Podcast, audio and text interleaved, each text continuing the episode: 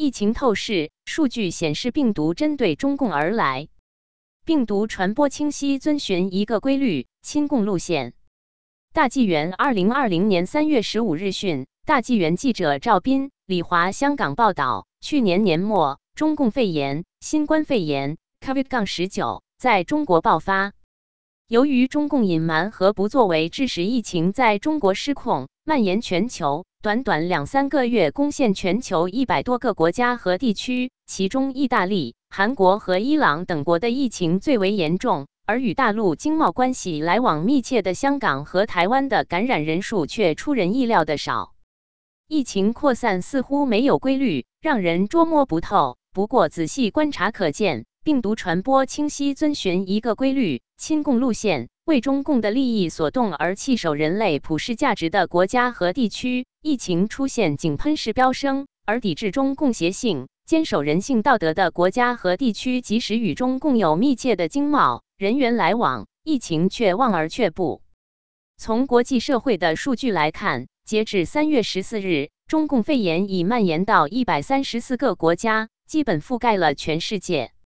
从官方数据看，其中疫情严峻排行第二的是意大利，两万一千一百五十七人被确诊感染，一千四百四十一人死亡；第三是伊朗，一万两千七百二十九人感染，六百一十一人死亡；第四是韩国，八千零八十六人感染，七十二人死亡。和中共走得近的还有北韩和俄罗斯。不过，这两个是或者曾经是社会主义国家的兄弟国家，因为了解中共的本质，反而对疫情严加管控。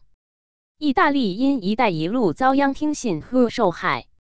三月九日当天，意大利总理宣布全国封锁，要求除了工作和紧急情况外，全国六千多万人不要外出。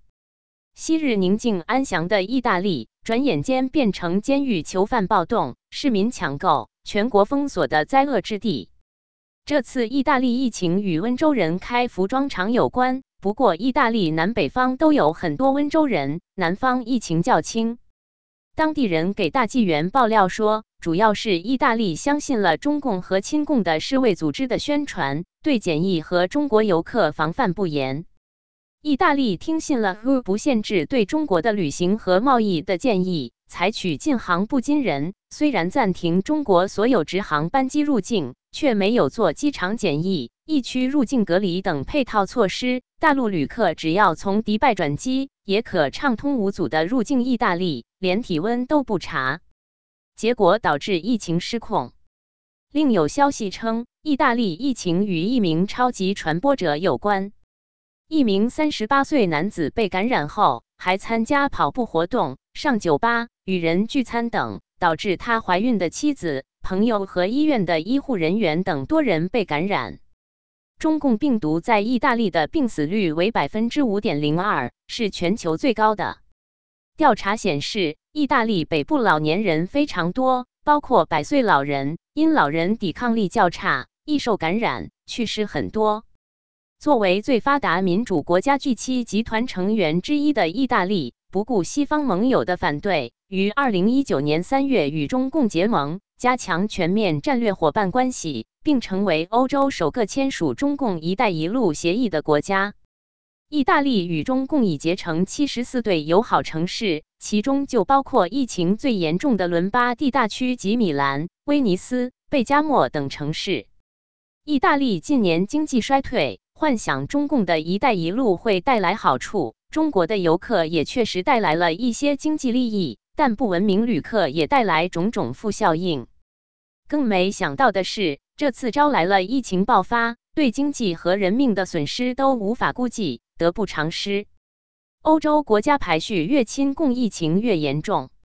三月十四日，欧洲确诊人数由高到低的国家是意大利、西班牙、德国、法国、瑞士、挪威、瑞典、荷兰、丹麦。比利时、法国确诊四千四百九十九，死亡九十一人，疫情形势严峻，连法国文化部长也被确诊感染。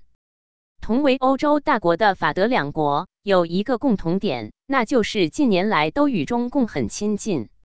例如，中共预及华为五 G 渗透全球的野心昭然若揭。然而，法德两国政府都无视美国的郑重警告，最近决定不将华为排除在本国五 G 网络之外。二零一九年三月二十六日，德国总理在巴黎记者会上大赞“一带一路”是非常重要的计划，我们欧洲人想要参与。而两国疫情最严重的地区。法国瓦兹省和德国北威州也是与中共关系更紧密的地区，分别与青海省、江苏省建立了友好省州关系。西班牙跟中共关系密切，现时中国称两国关系为全面战略伙伴关系。近年来，西班牙王室多次访华，习近平也曾访西。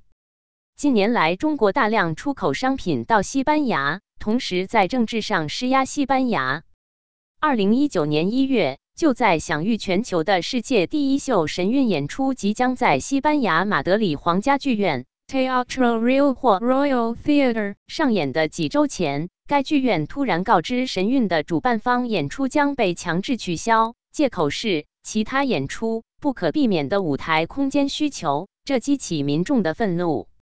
还有学者发现，如果按照人口比例，欧洲染病比例最高的前三个国家分别是意大利、瑞士和挪威。瑞士是继意大利之后第二个和中共签署“一带一路”的国家，挪威是亚投行的创始国之一，高度赞同并推动“一带一路”。瑞典则是中共在欧洲投资最多的国家。中瑞从投资到科技密切合作，与瑞典中共渐行渐远的芬兰，北欧国家之一。染病率相对非常低。网上流传一张表，统计了欧洲国家的中共肺炎的确诊、死亡和治愈人数。网友发现，在欧洲中共肺炎的疫情严重程度，基本按亲中共的程度排序。和中共走得越近，肺炎的疫情越是严重。韩国文在寅被民众弹劾新天地去武汉。韩国自一九九二年与中共建交后。开始逐步向中共靠拢，加强与中国的经贸关系。文在寅政府上台后，韩国更是大幅向中共靠近，不但增加在大陆的投资，同时加大开放中共对韩国的投资。中国已是韩国最大的贸易伙伴、最大的出口市场和最大的进口来源国。甚至在中国大陆疫情被曝光后，韩国政府唯恐损害与中共的关系，坚持不在边境设限，也不对旅客进行检疫。韩国与中共建立一百九十对友好省市关系，其中包括疫情最严重的大邱市和庆尚北道。韩国一月二十日确诊的第一例中共肺炎患者，是从武汉到仁川的三十五岁中国女子。一月三十日，世界卫生组织 WHO 呼吁世界各国不限制对中国的旅行和贸易。韩国遵循了 WHO 的建议，未对中港澳采取严格的禁止入境措施，仅小幅度限缩中国游客，这成为韩国疫情上升的重要原因之一。一月底，文在寅决定捐助中国二百万个口罩、十万件防护衣、十万个护目镜。没想到，事后韩国口罩厂却爆料，中方拒绝供应口罩原料。文在寅因此被韩国网友痛骂。据韩国媒体报道，韩国三分之一的口罩厂已停产。近两年韩中关系回暖。去年年底，韩国总统文在寅访问北京之后，到成都参加中日韩领导人会议。今年一月七日。文在寅发表新年致辞称，将力促韩中关系发展。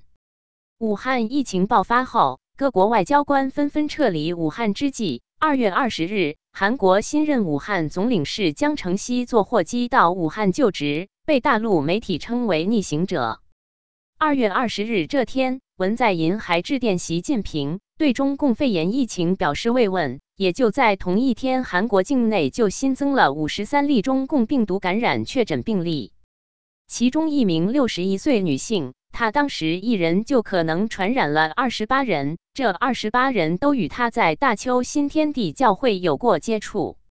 有人在网上发起弹劾文在寅总统联署，至二月二十七日，联署人数已超过一百一十八万人。联署信陆赤文在寅根本就是中国的总统，不但不管制边境，还让大量中国人到访援助中国口罩，让韩国人现在买不到口罩。韩国疫情最严重的就是大邱，大邱市位于韩国东南部，人口约二百五十万。很多人听说过大邱这个城市名字，是与弘扬中华传统文化的美国神韵艺术团联系在一起的。二零零九年，韩国首都首尔因中共压力而拒绝上演神韵，而大邱热情邀请神韵去演出。不过，二零一四年后的四年，因为中共的淫威和渗透，大邱市没有上演神韵。二零一九年成功上演时，满堂观众都称赞能看到神韵弥足珍贵。然而，二零二零年大邱又未能上演神韵，令当地观众非常痛心。新天地教会的全称是新天地耶稣教证据账目圣殿，一九八四年由李万熙 （Lee Man He） 创立。出生于一九三一年的李万熙现年八十八岁，自称是圣经中提到的神应许的牧者。二零一四年，韩国基督教监理会认定新天地教会是以基督教为幌子的邪教。截至三月八日，与新天地教会的相关感染病例为四千四百八十二例，占整体确诊人数的百分之六十二点八。若按地区分，大邱的发病率最高，为每十万人一百二十六宗确诊病例，其次是庆尚北道每十万人二十三点四宗。后来，韩国政府证实，新天地教会有部分成员曾前往武汉，因为他们在武汉有分会。三月二日下午，新天地会长李万熙举行记者会道歉，表示身为信徒的代表，真心向国人道歉，在民众愤怒的喝骂声中当众下跪两次。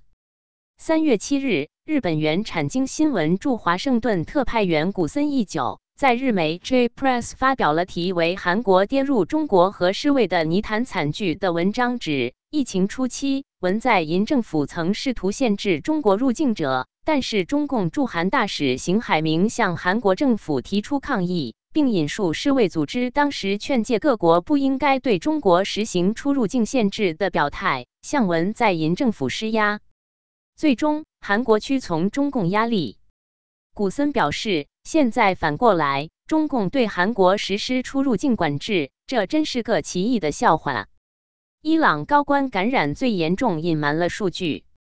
伊朗同中共走得非常近，早在一九九零年代，中共就暗中帮助伊朗搞电子设备，华为出口伊朗从那时就开始了。过去几十年来，伊朗一直与中共保持密切的政治、军事和商业关系。伊朗是中共的全面战略伙伴，是中共重要的石油来源国之一。在中共2013年起推行的输出共产主义霸权的一带一路计划中，伊朗是中共渗透欧亚非的战略枢纽。过去十年中，中共一直是伊朗最大的贸易伙伴，在伊朗拥有规模巨大的投资。中共不但直接向伊朗出口飞弹、战斗机和潜艇等高端武器，甚至为了威胁和掣肘民主国家，向伊朗提供了关键的核武技术。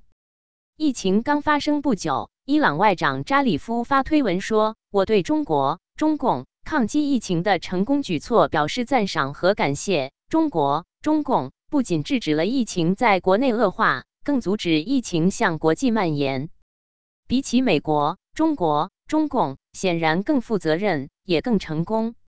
扎里夫在另一则推文中写道：“伊朗人说，阿丹子孙皆兄弟，兄弟犹如手足亲。造物之初本一体，一枝离病染全身。”中国人说：“岂曰无衣，与子同袍，无论何时何地，伊朗都坚定与中国、中共站在一起。”此话很快就应验了，伊朗马上疫情大爆发。而且不少高官感染死去。据伊朗官媒 IRNA 二月二十七日报道，伊朗女副总统马苏梅埃布特卡。（Masoumeh Atakar） 是该国第四名确诊中共病毒感染的最高级别官员，其余三名是伊朗议会国家安全和外交政策委员会主席莫哈塔巴佐尔诺。Mohib Zolnir，卫生部副部长伊拉吉哈里奇。（Irach Harichi） 和首都德黑兰国会议员萨德吉。Mahmoud Sadeghi。卫生部副部长哈里奇二月二十四日在疫情新闻发布会上不断擦汗，接受采访时咳嗽，而且没戴口罩。第二天被确诊感染中共病毒。莫哈塔巴佐尔诺主席是伊朗影响力最大的人物之一，曾是伊斯兰革命卫队 （IRGC） 最高领导人。女副总统埃布特卡二月二十六日还参加了内阁会议，他的座位离总统哈桑鲁哈尼 （Hassan Rouhani） 不远。伊朗最高神职人员之一。曾担任伊朗驻梵蒂冈大使的教士哈迪科斯罗萨西 （Hadi Kosroshahi，二月二十七日确诊中共病毒感染后，在库姆 （Com） 死亡。库姆是伊朗神学院所在地，据说伊朗确诊的几位官员都跟库姆来往密切。伊朗伊斯兰革命后，科斯罗萨西曾长期担任伊朗驻梵蒂冈大使。据一个名叫阿里的伊朗留学生介绍。在武汉的伊朗留学生有二百多人。武汉是全中国伊朗留学生最多的城市。从伊朗民众传出的视频显示，街头经常有人倒地死亡，周围人都不理。外界猜测，伊朗隐瞒了实际感染人数和死亡人数。俄罗斯共产体制人知道中共会隐瞒。在和中共走得近的国家中，还有中共过去的老大哥俄罗斯以及共产主义小兄弟北韩。正因为了解共产体制本质，一开始就警惕中共隐瞒真实疫情，甚至不排除已知情中共在武汉研制生化武器。因此，在一月二十日习近平表态要控制疫情时，俄罗斯第二天就把武汉疫情定性为生物威胁。尽管习近平称俄罗斯总统普京是他最好的知心朋友，俄罗斯对于来自中国的中共肺炎疫情仍然采取了最严厉的措施。一一月二十一日宣布来自中国的中共病毒疫情是生物威胁。二成立防御新冠病毒传播的快速反应指挥部，由俄副总理戈利科娃主持。三二月十九日。发布关于禁止拥有中国国籍的人进入俄罗斯境内的法令，暂停受理、审批和颁发中国公民的工作邀请函和境外中国公民的工作许可、学习、私人访问和旅游签证。四、关闭俄中边境。五、所有从中国返回俄国的人，即使没出现病症，也必须在家自行隔离二周。为防止这些人离家外出导致病毒扩散。俄当局使用了人脸辨识技术来追踪这些人的行踪，以确保他们隔离期内留在家中。违反隔离规定的，将被法院判处驱逐出境。到三月十日，俄罗斯确诊二十例，零死亡。在最初五例中，二例是中国人已治愈出院，三例是从日本“钻石公主号”游轮撤回的俄罗斯人。俄罗斯算是疫情很轻的国家。北韩最早关闭边境不公布数据，尽管中共声称与北韩有鲜血凝成的友谊，北韩对来自中国的疫情也采取了最严厉的措施。一月二十二日，北韩在第一时间关闭朝中边境。一月二十八日，北韩要求开城的南北共同联络事务所的韩国人员全体佩戴口罩，所有经中国入境的外国人必须隔离一个月。北韩党媒《劳动新闻》一月三十日发表谋求彻底防范新型冠状病毒感染的应急对策文中报道，北韩中央、道、市、郡各级政府设立应急防疫指挥部，同时北京至平壤间 K 二十七、二十八次列车暂停国际联运。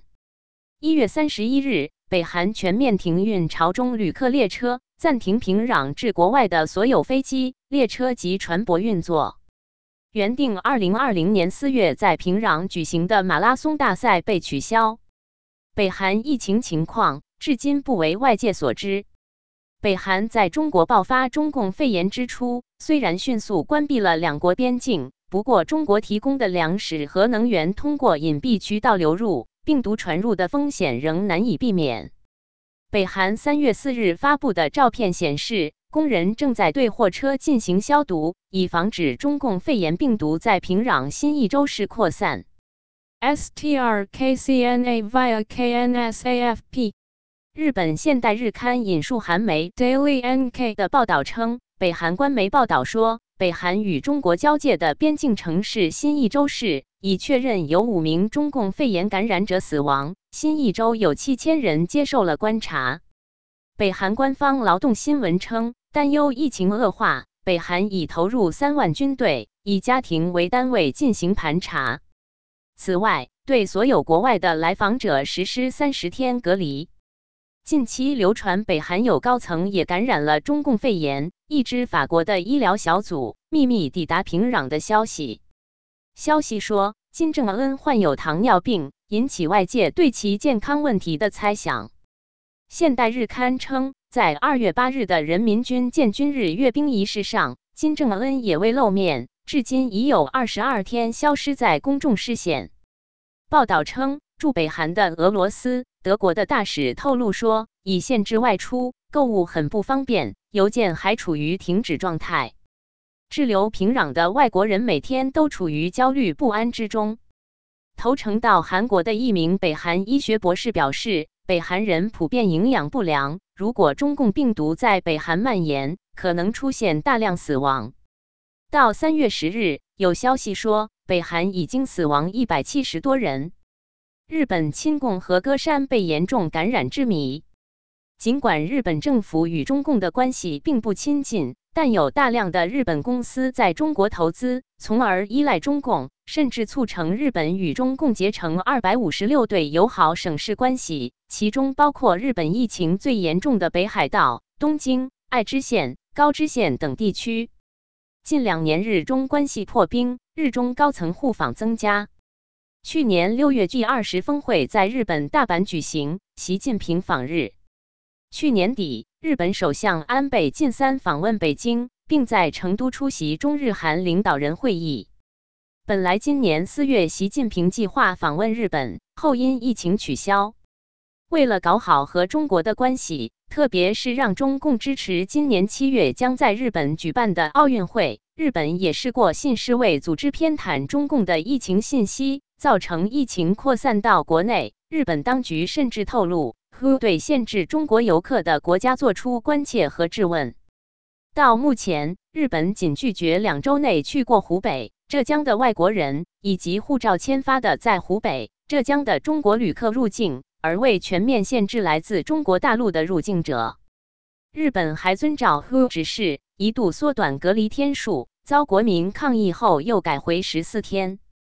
据大陆游客透露，日本防疫机制以减少经济损失为优先。来自湖北、浙江以外的中国游客依然可自由行。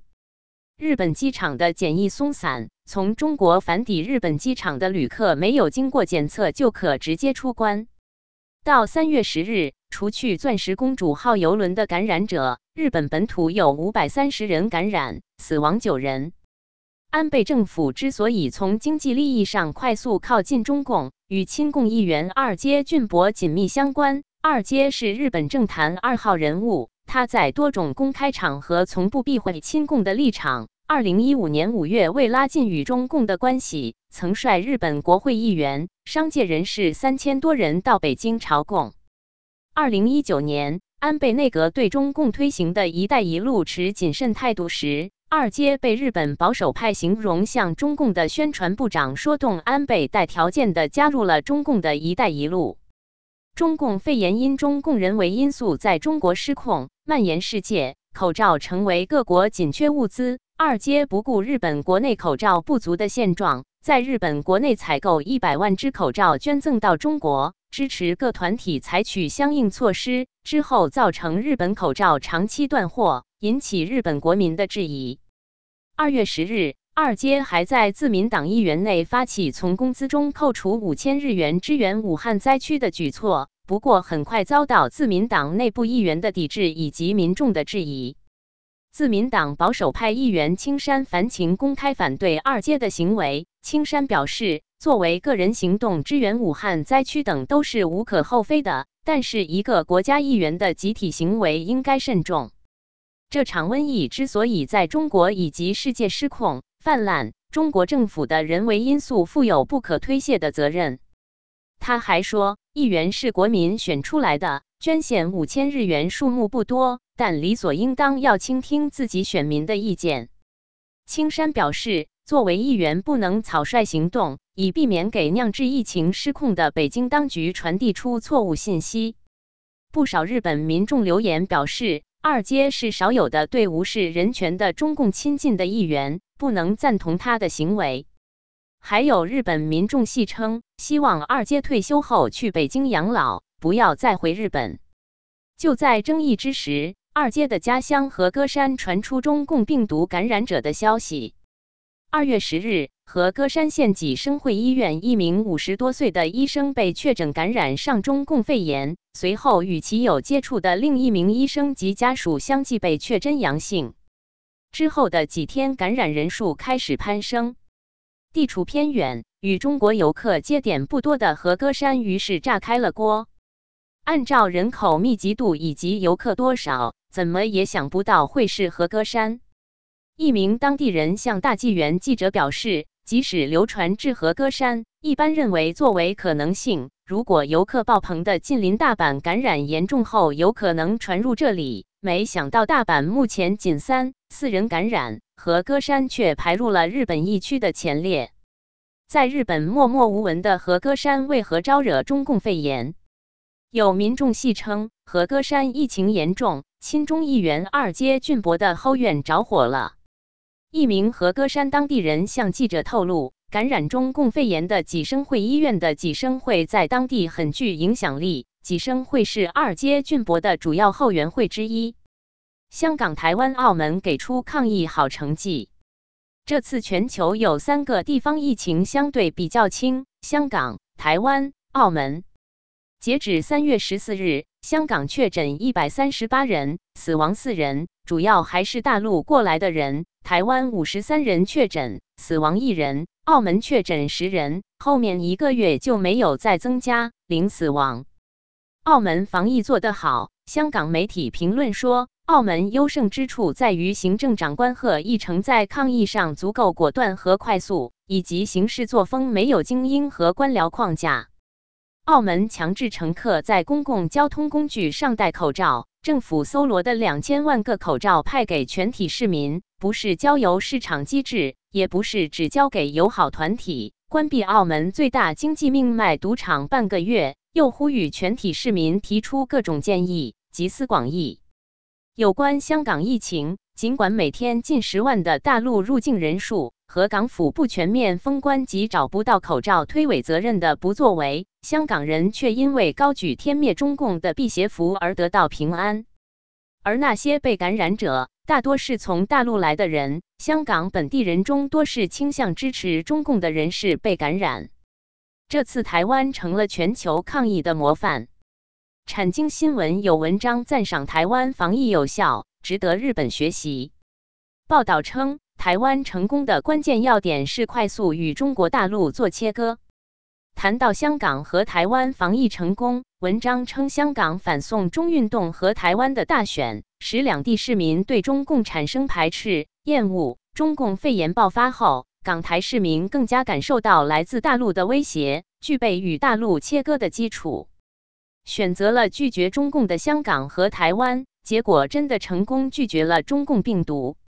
同样与中国接壤的印度、俄罗斯和蒙古等国，截至三月十四日，累计确诊分别为八十四、四十七和一例。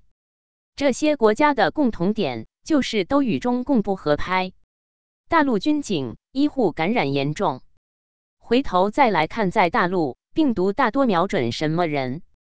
中共官方隐瞒疫情的真实资料，一直都受到外界的质疑和批评。这次中共利用军队和警察搞军事管制，致使很多军人和武警感染。但这些都属于中共的秘密，外界很难知道真实数据。不过，从仅有的极少消息中，仍可略窥一二。据湖北省新型冠状病毒感染肺炎疫情防控工作简报第三十七公告。截至二月二十日二十时，全省有八百一十三名警察确诊，二百七十七疑似，四人死亡，共计一千多人。另有公开报道显示，大陆至少二十多名警察死于抗疫一线。二月二十一日，中共公安部在国务院举行的新闻发布会表示，公安部部署各地提升勤务等级，按照一院一专班的要求，每天安排十二万名民警，二十四小时驻守全国所有定点医院。该官员宣称，此举是为了维护医疗救治秩序，确保防疫工作。评论认为，很多患者处在绝望的境地，而前线医护超负荷工作，情绪也可能随时崩溃。中共派公安驻守，最重要的考量恐怕是防止医护、患者及家属在情绪失控时逃跑或反抗，甚至爆发群体事件。此前网传视频显示，在疫情最严重的武汉市，大批外地公安乘飞机抵达武汉天河机场，支援武汉警方。还有视频显示，有地方特警正进行反恐演习，将敢于摘口罩反抗的民众当成恐怖分子对待。另外，官方报道显示，公安部对死于抗疫前线的公安警察，每人发放二十万元人民币抚恤金。这个金额四十倍于武汉染疫去世的前线医护人员，他们的家属只获五千元慰问金。医护人员死亡只得到五千元慰问金，而警察死亡可获得二十万。如此悬殊的待遇，可能的一个原因就是警察死伤太多，没人愿意去医院，故而重赏之下才能调动警察。另外，二月二十一日，中国司法部监狱管理局负责人何平突然在记者会上宣布，全国有湖北、浙江、山东五个监狱发生了犯人感染疫情。近五百囚犯被感染，官方没有报道多少监狱警察被感染。但第二天，中共政法委书记郭声琨等到河北的雁城监狱等监管场所检查。郭称，现实正处于战时状态。目前，四川省、黑龙江省的监狱、戒毒所均实行战时管理。而此次疫情中，首当其冲、折损最多的，则是一线医护人员。三月六日，中共官员披露。今年一月份，仅湖北省就有超过三千名医护人员被感染，而武汉市卫健委去年十二月三十一日及今年一月十一日的通报都声称没有发现医务人员感染，也没有发现明确的人传人证据。尽管官方严密隐瞒，二月初武汉医护人员染疫身亡的消息仍陆续零星传出。二月十日上午，武汉华中科技大学附属同济医院器官移植科教授林正斌因感染中共肺炎经抢救无效去世。林正斌生前曾进行了上千起肾移植手术。据非营利组织海外追查国际发布的通告，林正斌涉嫌参与了活摘法轮功学员器官的罪行，是国际组织追查的对象。追查国际发现。截止二零一零年，林正斌参与的肾脏移植至少一千五百例，但却没有公布器官来源。外界质疑他用的是从活着的法轮功学员身上强制摘取的器官，这就犯下了反人类罪行。追查国际负责人表示，在我们的调查中，同济的医生护士就明确承认他们用法轮功学员器官，我们有录音证据证明。网友评论说。真是老天爷有眼！林正斌他参与了杀人取器官的罪行，被老天爷收走，这是天理昭彰啊！也有人收集资料发现，这次第一个死于中共疫情的官员是武汉市族宗教事务委员会主任、正局级领导王献良，他下令拆毁教堂、逮捕基督徒，民愤很大。中共病毒针对共产党而来。三月十一日。大纪元编辑部发表特稿，指明中共病毒针对共产党而来。文章表示，纵观共产党的历史，就是一部充满战乱、饥荒、瘟疫和死亡的黑暗史。中共七十年暴政，害死八千万中国人，破坏中国传统文化和道德。尤其是近三十年来，从八九年屠杀学生，到九九年镇压法轮功修炼者。以及现在对更广大民众的欺凌打压，中共用暴力和谎言给中华民族和世界带来深重灾难。九评编辑部的文章指明，共产主义的本质是一个邪灵，其终极目的是毁灭人类。